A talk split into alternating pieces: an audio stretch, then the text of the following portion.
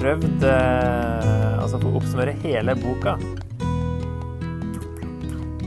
Så kan det sies med det som står nederst her. Gud kaller sitt folk til å stole på ham og bli hans tjenere, slik at verden kan kjenne ham og bli reddet. Eventuelt frelst. Um, for der, den spenner kanskje over hele boka, og så er det veldig mye om å keep calm and trust God. Ta det med ro. Ikke stress med eh, spesielt politiske allianser da, i denne boka, men også avguder og, og sånne ting. Altså er, du må stole på Gud. Det er nøkkelen. Jesaja er jo da den boka i GT som er eh, hvert fall en av de som er mest sitert eh, og henvist til i Nytestamentet. Jeg tror det er ca. 600 ganger at den eh, tas opp i Nytestamentet på en eller annen måte. Veldig mange kjente Messias-profetier, bl.a. blant annet. Jesus brukte også Jesaja veldig mye. Um, og han kalles noen ganger det femte evangeliet. Har blitt kalt det av kirkefedrene, bl.a. Augustin, som uh, sa dette her. Fordi jeg tror at han altså han kaller det for femte evangeliet fordi jeg tror at han tydeligere forutsier evangeliet uh, og kallet til hedningene enn de andre. Altså andre profetene. Og det er jo det evangeliet handler om, Jeg kaller det hedningene. Altså det med Messias og at hedningene skal komme inn. da. Og det har jo kapittel 53, som er veldig tydelig på denne lidende tjeneren som tar på seg skylden til folket, og som dør og står opp igjen. Veldig interessant kapittel, som eh, brukes som Jesus da i Nytestamentet. Augustin han levde jo på 300- og 400-tallet, og det samme gjorde Hieronymus. Og han kalte det for det femte evangeliet fordi altså sier om Jesaja, han bør kalles en evangelist snarere enn en profet, fordi han beskriver alle Kristi og kirkens mysterier så tydelig at du skulle tro at han forfatter en historie om det som allerede har skjedd, i stedet for å profetere om det som kommer. Så det er, det er en annerledes bok, og veldig Ja. Så det er jo tilfeldig, det, da, at det er 66 kapitler og at den første delen har 39 kapitler, den andre delen har 27 kapitler, akkurat som GT venter. Det er jo noe som har kommet i middelalderen. Men eh, det er jo en artig parallell, det, da. Også. Like mange kapitler som bøker i Bibelen. Men for å forstå Jesaja utenom det som eh, er tydelig Jesus, og også når, å se på de eh, Messias-profetiene i opprinnelig kontekst. For det gjør vi sjelden, egentlig, når vi kommer til, eh, til Jesaja. Eh, så må vi se litt på den historiske og den politiske situasjonen. Og det kartet her så vi på med Amos. Det handler om asyrerne fortsatt.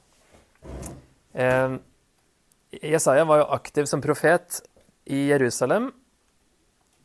Eh, det står i hvert fall at han eh, så disse synene om Juda og Jerusalem, som han antar at han bodde i Jerusalem da. I de dager da Ussia, Jotam, Ahas og Hiskia var konger i Juda. Så det er jo Sørriket nå. Amos var til Nordriket. Nå er det Juda som får dette, eller alle disse budskapene fra Jesaja. Eh, og de kongene de regjerte jo da fra eh, ja, ca. 700 Um, altså det er året Ussia døde, som han sier i kapittel 6. Det er ca. 740. Og så går historien i hvert fall fram til 700. Eh, Hiskia regjerte jo litt lenger, men det er den siste halvdelen av 700-tallet, da. Og det som skjer på denne eh, perioden her, i denne perioden her, det er at Asyria er på offensiven fra ca. 745. De begynner å ekspandere, som det kartet her og viser, at eh, det er jo noen år senere, da, i 671, at de har tatt Egypt og utvida si, tre-firedobla det de hadde i 824. Um, så de har allerede i fem år liksom begynt å rasle med sablene og uh, begynner å ta litt for seg borti øst. da, ikke sant? For det er jo Ninive som er hovedstaden. hovedstaden. Og, uh, så de begynner å, å komme seg vestover. Har Egypt er målet. De skal ta Egypt, og så ligger jo Juda midt på den veien. Og da er det jo skrekk for alle disse små landene rundt her, da, alle naboene til Juda også. Eh, alle de små som ligger her, en åtte stykker eller et eller annet, som da skjønner at ups, asyrerne kommer. Her er det bare ødemark, sånn at eh, de kommer alltid nordfra og bare tar alt på veien når de er på vei til Egypt. I 735 så er det jo da Syria og Nordriket angriper Juda. og Det kommer opp i kapittel 7, så jeg skal se litt på. Eh, der slår Syria og Nordriket seg sammen for å stå imot asyrerne. Og de vil ha med seg Juda. Eh, det er det Syria her med Damaskus, og så Nordriket med Samaria. Som eh, vi må stoppe syrerne, så vi lager en allianse. Juda, du må være med oss. Og så angriper de Juda for å tvinge Juda til å være med. Og det er kong Ahas, da. Og han vil ikke. Han sender i stedet hemmelig beskjed til asyrerne om å komme og ta dem. og så blir det en allianse med Asyria i stedet. Eh, det kommer vi til i kapittel 7. Men det, det, er jo en hendelse som, som skjer, at uh, da, da, går vel um, Syria under, som vi var inne på i Amos. Eller i hvert fall blir tatt av, av Assyria. Og så blir store deler av Nordriket òg eh, rasert, og den nordlige delen blir tatt, i hvert fall. Ja, her er den 732. er det de tar. Um, Syria. Og ti år senere så tar de jo hele Nordriket. 722, den kjente, kjente årstallet da Nordriket går under. Så går det noen år, og da er det Hiskia som er konge når vi kommer til 701. Da Asyria tar alle de 46 befestede byene, altså de med bymur, i Juda, men klarer ikke innta Jerusalem. Og det er den historien som dere har lest om i kongebøkene, når eh, Hiskia Når eh, han stoler på Gud, og det går bra. Eh, så den historien kommer igjen her i kapittel 36 til 39, i hvert fall 36-37, er jo den selve beleiringen. Og da det, da har de tatt alt annet, bortsett fra Jerusalem. Men eh, så skjer det plutselig at eh, Altså, vi får et løfte gjennom Jesaja at eh, dette skal gå bra, og så skjer det et mirakel, og så går det bra. Men da har de kommet ganske nærme. Det har tatt alt før det. Alt på veien ned. Tatt alle andre byer i Juda. Bare Jerusalem er igjen. Og de er omringa Jerusalem med en kjempehær. Egentlig helt håpløst ut. Men så stoler Hiskia på Gud, og så, og så, går det bra. Og så er det jo da det som skjer etterpå, det er 120 år etterpå, da, at eh, Babylon tar Juda og Jerusalem. Og da blir de tatt i eksil. Da er det blitt Babylon. ikke sant? For da, et, i mellomtida så har Asyria blitt tatt av Babylon. Da er det plutselig Babylon som er stormakta. Eh, jeg er ikke med på kartet her, men eh, Babylon ligger vel her nede et sted, tror jeg. Hvor står det? Der, ja. Ja, Der står det. Eh, så da er det de som har blitt eh, verdensmakt, og mye av det samme området, som da plutselig er Babylon. Og så er det de som eh, vil ta for seg litt nedover her. Og da tar de Jerusalem senere. Da blir de tatt i eksil, og da blir de tatt til Babylon, som er da egentlig rett øst. Men de òg kommer nordfra. Så når du skal se Jeremia, så er det mye snakk om en fiende fra nord babylonerne kommer. Så er, selv om det ligger rett øst, så kom de nordfra. Derfor snakker de med en fiende fra nord. Kaldeerne er samme, da. Siden området her er Kaldea. Abraham var jo kommet fra Ur her. Ur i Kaldea. Så det er jo da samme område ikke sant, som Babylon. Så da er de i eksil fra 586 til 539. Da er det Persia som blir stormakt, og som eh, tar Babylon. Og har Susa som sin hovedstad. Så det er jo samme område, men de bytter litt på. Da har de blitt sterke nok til å velte babylonerne, og så lar de Juda vende tilbake fra eksilet da. Så det slutter jo da offisielt i 539. Så alt det her Vi må se litt lenger enn eh, da Jesaja levde, fordi boka handler om eksilet og etter eksilet også.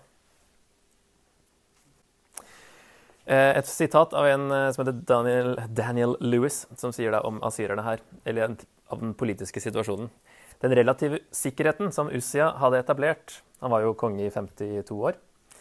var ikke noen trussel. Eh, nei, var ikke, var ikke, uten trussel. Selv om de små nasjonene i Levanten, det er altså det området her eh, som vi så på, først stort sett ikke la merke til det, holdt en formidabel supermakt på å stige i nordøst. Tiglat Pileser av Asyria hadde rettet blikket mot Egypts skatter, og kongedømmene i Israel og Juda lå rett på hans vei. Asyrias fremvekst og politikken i Kanaan blir like mye bakteppe for Jesajas budskap. Så det er viktig for å forstå boka at vi må vite hva som skjer politisk. Det er liksom det som er kanskje bøygen med profetene. Da. At man må liksom eh, sette seg inn i ting som virker litt komplisert. Profeten Jesaja, hva vet vi om han da, som person? Det står i første verset at han var sønn av Amos, og da er det Amos med Z. Så det har jeg brukt her da for å se at det er en annen Amos, egentlig enn uh, profeten Amos. Det er en annen bokstav på hebraisk også. Jødisk tradisjon sier han var en slektning av Ussia. Også fordi han har så tilgang eh, til kongen. si. Kan komme og gå inn i palasset, virker det som. Men det er usikkert hvor pålitelig dette er. Han ser ut til å ha bodd i Jerusalem.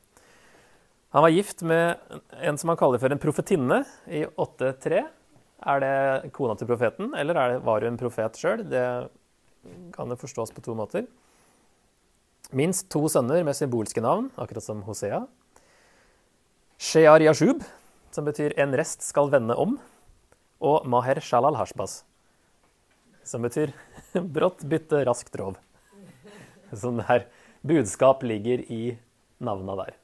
Eh, og så er det et annet eh, såkalt pseudepigrafisk skrift. Altså det er et skrift som Eh, ikke er i GT, ikke er i NT, ikke engang blant apokryfene i GT. Det betyr egentlig bare falsk overskrift. Altså det er ikke autentisk. Men det heter Jesajas himmelfart. Det er skrevet andre århundre etter Kristus, så det er ikke skrevet av Jesaja. Og ikke, hører ikke hjemme i Bibelen noe sted. Men der eh, står det en tradisjon om at Jesaja ble saget i to av kong Manasse, siden han ikke ville trekke tilbake budskapet sitt. Mulig at hebreerne 1137 refererer til dette. Det står der om at eh, de som ble forfulgt, ble sagd i to. Det er godt mulig at det tenkes da på det her. Og Den tradisjonen finnes også hos Justin Martyr på 100-tallet og Tertullian 100- og 200-tallet og i den jødiske Talmud. Så det kan være at det er noe i det, at, Manasse, at han levde til Manasse overtok etter Hiskia og drepte Manasse, som var en, en av de ondeste. Det er altså ikke i Bibelen, men i en gammel tradisjon, da. Ja, OK. Så er det jo en lang bok, og vi må kikke på en struktur. Det tar jo litt tid å få sett på den. Første fem kapitlene kan ses på som en introduksjon egentlig hele bok, til hele boka der det snakkes om uh, hva som er problemet. Uh, kapittel 1-12 handler om dom og håp for Jerusalem spesifikt. Og da har vi også begynt av den første delen, som går ja, Det kommer jo detaljene etterpå. Det, kommer ned til, uh, det går til vers, nei, kapittel 39, som er liksom del 1, da, som handler mest om synd og dom. Men det er en del Messias der også. Kapittel 6 der har vi kortversjonen av løsningen, og det er også Jesajas sitt kall som beskrives der. Og det blir på en måte sånne frampek på hvordan problemet kan løses. For det er interessant hvorfor den kommer der, og ikke i starten. Hvorfor kommer Jesajas kall som kapittel 6, og ikke som kapittel 1? For det gjør de ofte hos profetene. Jeremia i hvert fall, og, og Hosea, som dere har sett på. Esekiel har i hvert fall en sånn en eh, visjon i starten som på en måte kaller han. Men ja, det er liksom, i hvert fall interessant at det er ikke kronologisk, virker det som. Um, at eh, det kommer da kapittel 6 og ikke kapittel 1. Så da må vi se på hvorfor det står der. Og så går det videre i 7-12 til å snakke om at Gud er til å stole på, ikke nasjonene. Og så er det Ahas som er kongen, som blir testa på det. da. Stoler du på Gud, eller stoler du på nasjonene? Han stoler ikke på Gud, men på Asyria. Så går det videre til å snakke om nasjonene i 13-23. At der går, tar Jesaja for seg eh, alle landene rundt, jeg tror det er stort sett alle, som da dømmes av Gud. Sånn som vi har sett på tidligere i Amos, i hvert fall. Um, så der handler det om dom og håp for nasjonene. 13 til 27, sånn at 24 til 27 handler om at hele jorden skal dømmes. Sånn at eh, det vil på en måte forklare hvorfor du ikke skal stole på nasjonene, hvorfor Ahas gjorde feil. Fordi alle nasjonene de skal dømmes, og de skal gå under, og hele jorden skal dømmes. Du kan ikke stole på de. Det er Gud du må stole på. Så 28 til 33 så handler det om at de ikke må stole på Egypt for hjelp mot Assyria. For Egypt kommer også til å bli tatt. Og da handler det da i noen kapitler fram til slutten av første delen, 28 til 39, om denne trusselen fra Assyria.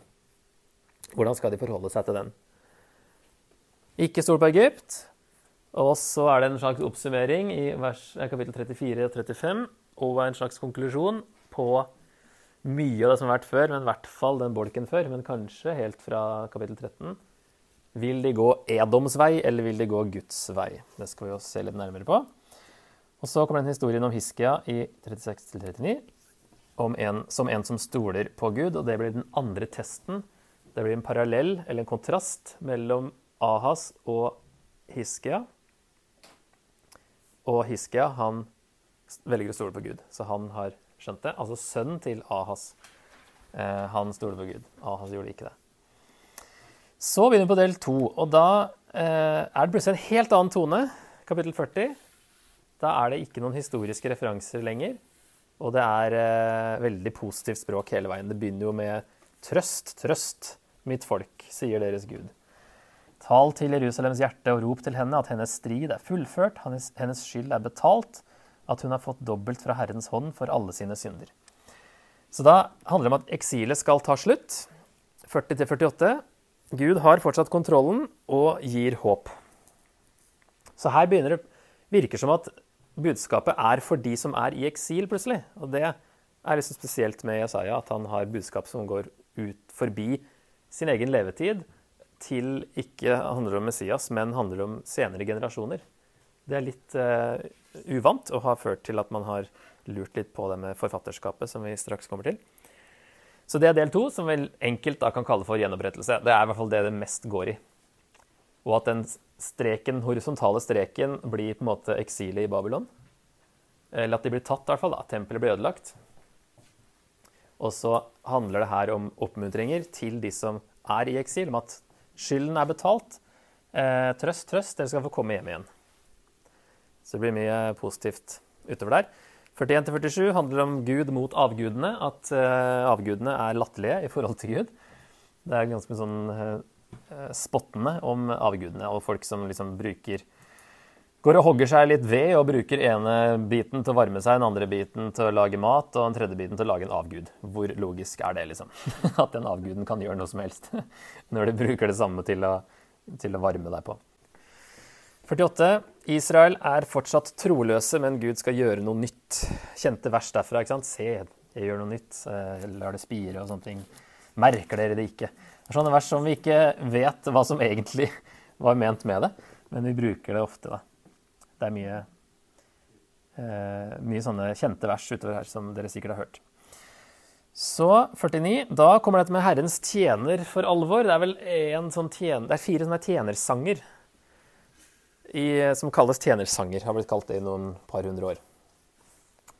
Um, og en av de eh, jeg tror en av de er i kapittel 42, så den er jo for så vidt utafor denne bolken her. Så kommer den andre her i kapittel 49. Herrens tjener skal være et lys for nasjonene. Så denne her 49-55 handler om en person, Herrens tjener, som fullfører Guds plan. Og da blir det mye Jesus. Denne Herrens lidende tjener, spesielt i kapittel 53. Så 50-53, der er det om at Herrens tjener skal avvises og dø som skyldoffer. Det er jo spesielt kapittel 53, da. 54 til 55. Der er det veldig sånn takknemlighetsstemning for eh, Herrens rettferdighet, som er for alle. Begynner å høres veldig ut som evangeliet utover her. Så er den siste biten, der det endres litt sånn atmosfære igjen. Og det er litt sånn man har lurt litt på Det er litt sånn vanskelig, denne 56 til 66. Eh, Men uh, i hvert fall foreløpig så kaller vi det for at uh, 56-59 handler om å leve etter Guds karakter, ikke i loviskhet. Og da høres det ut som at de er tilbake fra eksilet, og at den siste biten, siste elleve kapitlene, handler om folket som har fått komme tilbake, og som har, um, da trenger noen ord som er sagt av Jesaja lenge før. For, som ja, oppmuntring, veiledning, når de har kommet tilbake. Um, siste biten, da, 60 eller 66, der er klimakset. Gud vil fullføre alle ting. Og der snakker Jesaja om um, ny himmel og ny jord og sånne ting, som tas opp senere av f.eks. og spesielt Johans åpenbaring. Så siste kapittel Siste kapitlene av Johans åpenbaring eh, henter veldig fra Jesaja her. De siste Jesaja-kapitlene. Så det her har jo um, ført til at um, man har lurt litt på forfatterskapet, som, som sagt. Og i denne litteraturutgaven til Bibelselskapet, som jeg fikk i posten for ikke så lenge siden, der står det, når du slår opp på Jesaja, står det Kapittel 40-55 blir ofte tilskrevet en profet under det babylonske fangenskapet, 586-539, kalt Deutero-Jesaja, den andre Jesaja. Han må ha stått i tradisjonen fra den første Jesaja. Ikke en sånn helt random fyr, da, men en som en disippel av Jesaja, tenker man da. Stemmen i kapittel 56 til 66 tilskrives gjerne en trito-Jesaja, en tredje Jesaja, men noen mener teksten har samme opphav som kapittel 40 til 55. Så den er ikke helt Det er ikke alle som er overbevist om det, og det er ikke alle som er overbevist om Deutero-Jesaja heller. Men uh, færre er overbevist om en trito, da. Men det snakkes av og til om proto, deutero og trito Jesaja, altså første, andre og tredje Jesaja. Um, så forfatter, da? Er det Jesaja, eller er det Jesaja pluss disiplene hans? Altså at Jesaja har den første delen, som jeg prøvde å illustrere her, kapittel 139. Og så er det disiplene hans som har tatt hans profetier og på en måte spunnet videre på dem. Så eh, da har vi to muligheter, da. Jesaja, altså profeten Jesaja skrev hele boka. Det er det tradisjonelle synet helt fram til 1775. Da var det en som begynte å tenke på det med unntak av et par rabbinere i det 11. og 12. århundre. Så noen få har lurt på det tidligere. Eh, også fra 1775 så har man da begynt å Altså det akademiske eh, akademiske Jesaja-miljøet har, har, gått i den retningen. Og eh, hvis dere går videre og studerer teologi, så vil dere helt sikkert høre om Deuter og Jesaja som en annen enn profeten Jesaja. Så det er jo ehm, Ja, det er ganske sent da, at man begynte å tenke på det. Så fra 1775 så er det da ikke sant, første Jesaja, profeten Jesaja på 700-tallet. Det var kapittel 139. Kapittel 40-55, andre Jesaja, en disippel av Jesaja, som basert på kapittel 139 kom med nye profetier ca. 550, altså midt i eksilet. De versene her oppe snakker, det er de som nevner at Jesaja har disipler. Også Bible Project-videoen Eh, der lener de mot at det er en annen enn Jesaja, faktisk. More likely, tror jeg de sier. Eh, jeg er ikke enig i det. at, at, eh, at, det er ikke Jesaja som står bak de her, del to og tre, men disiplene til Jesaja. Og de baserer det på de versene der, da. De står også i den videoen. Ok, Tredje da, tredje Jesaja, en tredje forfatter som kommer med flere anvendelser av de tidligere profetiene etter at folk er tilbake fra eksilet. Altså Da tar han kanskje både første og andre Jesaja og bruker det om igjen. I hvert fall første Jesaja. Så det er snakk om en sånn, ny, en sånn gjenbruk, da. Resirkulering. si. Gjenbruk av, eh, av eh, kapittel 1 til 39 på nye eh, situasjoner med mer, flere budskap, da. Har det mye å si? Jeg tror det har mest å si for at du kan gå glipp av hovedbudskapet som går gjennom hele boka, hvis man deler det opp for mye. Og da tolker man liksom bare den for seg og den for seg og den for seg. Og så får man ikke den fine progresjonen vi så i stad. Det kan være en, noe som man går glipp av, da.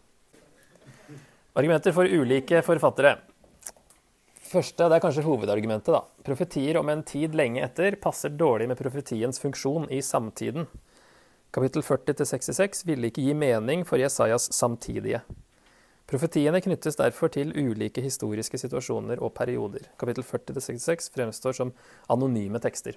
Det er jo ingen, Jesaja nevnes bare tre ganger tror jeg, i hele boka, og aldri etter kapittel 40. Eller etter kapittel 39.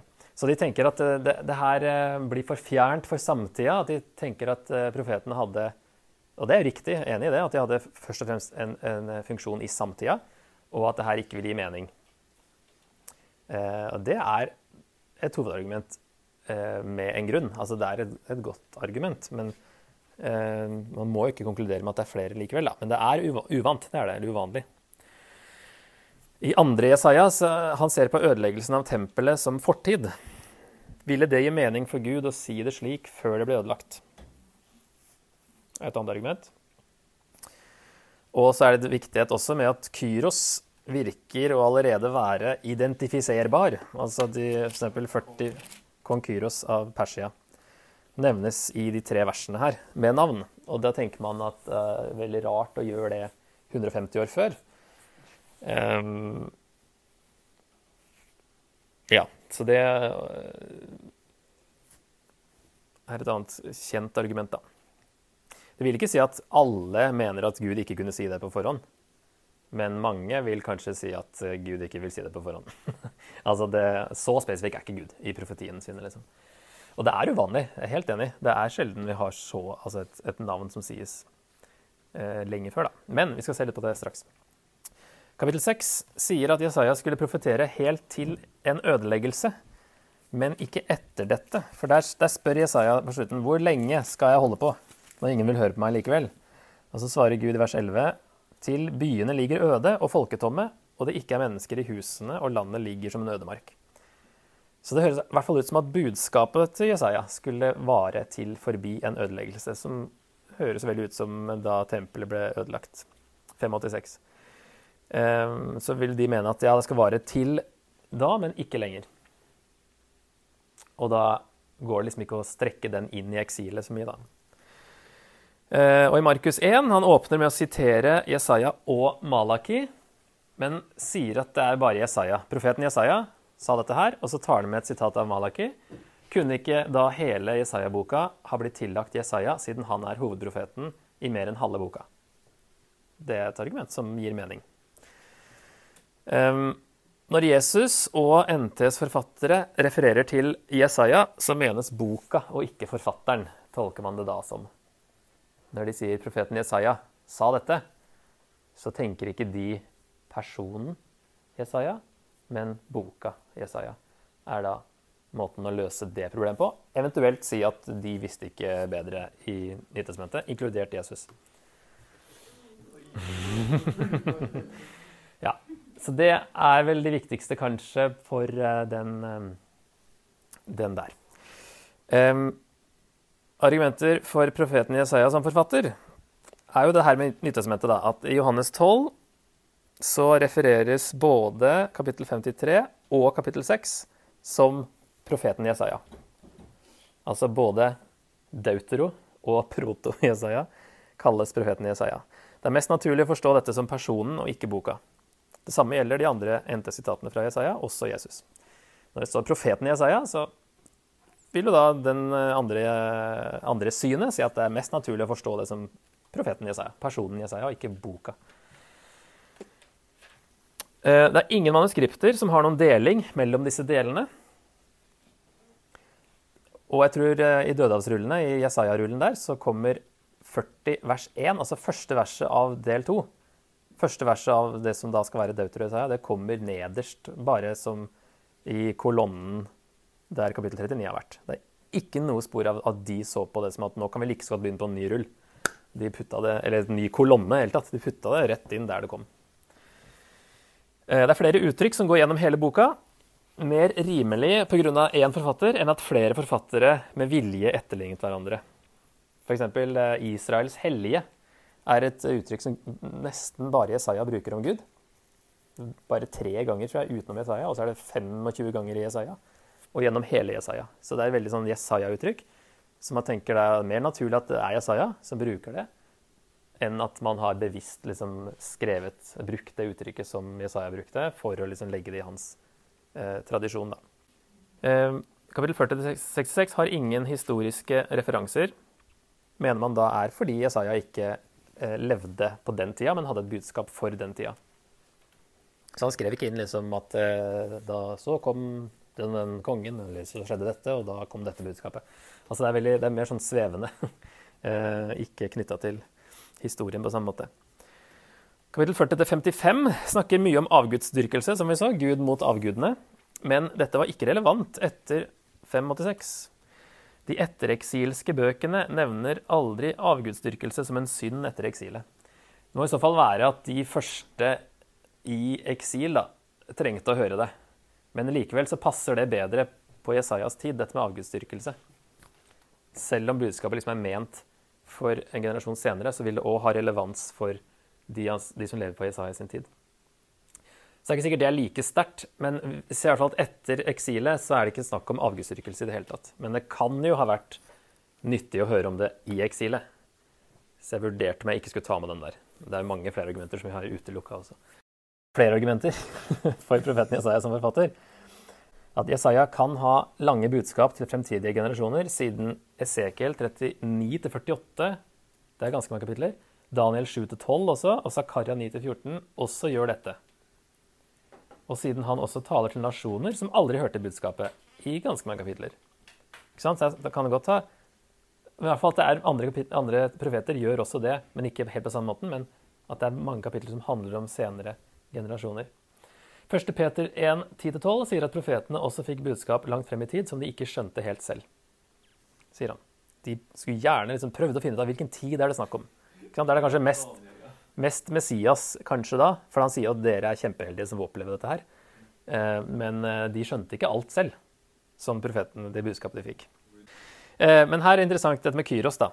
Å navngi Kyros lenge før er ikke noe problem for Gud, selv om det kanskje er uvanlig. ikke sant? Det er bare en enkel løsning å si det på.